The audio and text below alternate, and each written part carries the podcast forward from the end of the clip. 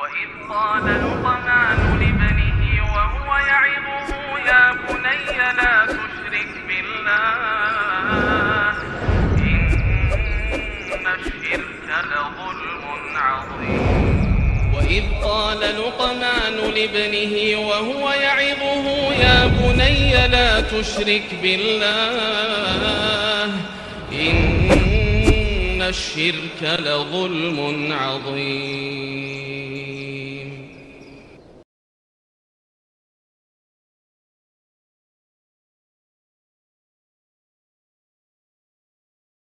السلام عليكم ورحمة الله وبركاته. إن الحمد لله نحمده ونستعينه ونستغفره ونعوذ بالله من شرور أنفسنا وسيئات أعمالنا. من يهده الله فهو المهتد ومن يضلل فلن تجد له وليا مرشدا. أشهد أن لا إله إلا الله وحده لا شريك له وأشهد أن محمدا عبده ورسوله الذي لا نبي بعده. وقال الله سبحانه وتعالى يا أيها الذين آمنوا اتقوا الله حق تقاته ولا تموتن إلا وأنتم مسلمون وقال عز من قال يا أيها الذين آمنوا اتقوا الله وقولوا قولا سديدا. يصلح لكم أعمالكم ويغفر لكم ذنوبكم. ومن يطع الله ورسوله فقد فاز فوزا عظيما يا أيها الناس اتقوا ربكم الذي خلقكم من نفس واحدة وخلق منها زوجها وبث منهما رجالا كثيرا ونساء واتقوا الله الذي تساءلون به والأرحام. إن الله كان عليكم رقيبا. أما بعد إن أصدق الحديث كتاب الله وخير الهدي هدي محمد صلى الله عليه وسلم وشر الأمور محدثاتها. وكل محدثة بدعة. Wa kulla bid'atin dhalalah wa kulla dhalalatin finnar. Ma'asyiral muslimin wal muslimat, para pemirsa Rosa TV di mana pun Anda berada, Alhamdulillah hari ini kita kembali bersua melanjutkan kajian kita terkait dengan fatwa seputar anak. Kita masih membicarakan perihal menyusui anak, ya, menyusui bayi. Ikhwah rahimanallah wa iyyakum ada sebuah pertanyaan yaitu hal yajuzu irda'ul ummi al musabah bil AIDS li tifliha? Apakah boleh seorang ibu yang yang mengidap penyakit AIDS menyusui anaknya?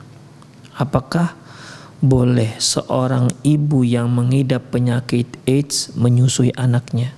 Jadi seorang ibu dia mengidap penyakit AIDS, nah, ibu yang seperti ini, ibu yang seperti ini apakah boleh menyusui anaknya? Ikhwah rahimanallah wa iyyakum.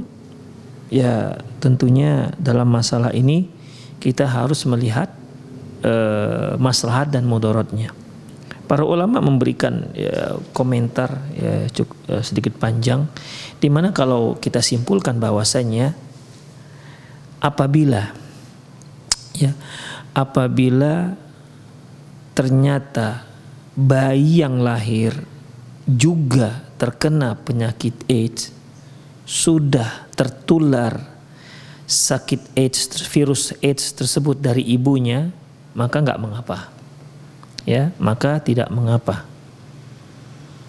Namun apabila ternyata bayi yang lahir belum tertular virus AIDS dari ibunya, maka ikhwah rahimani Allah wa iyyakum itu kondisinya ada dua.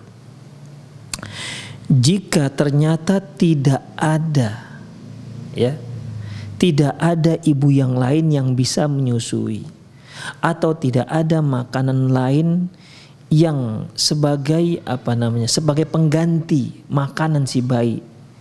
Hanya ada air susu ibunya. Saya ulangi ya kondisi pertama apabila si bayi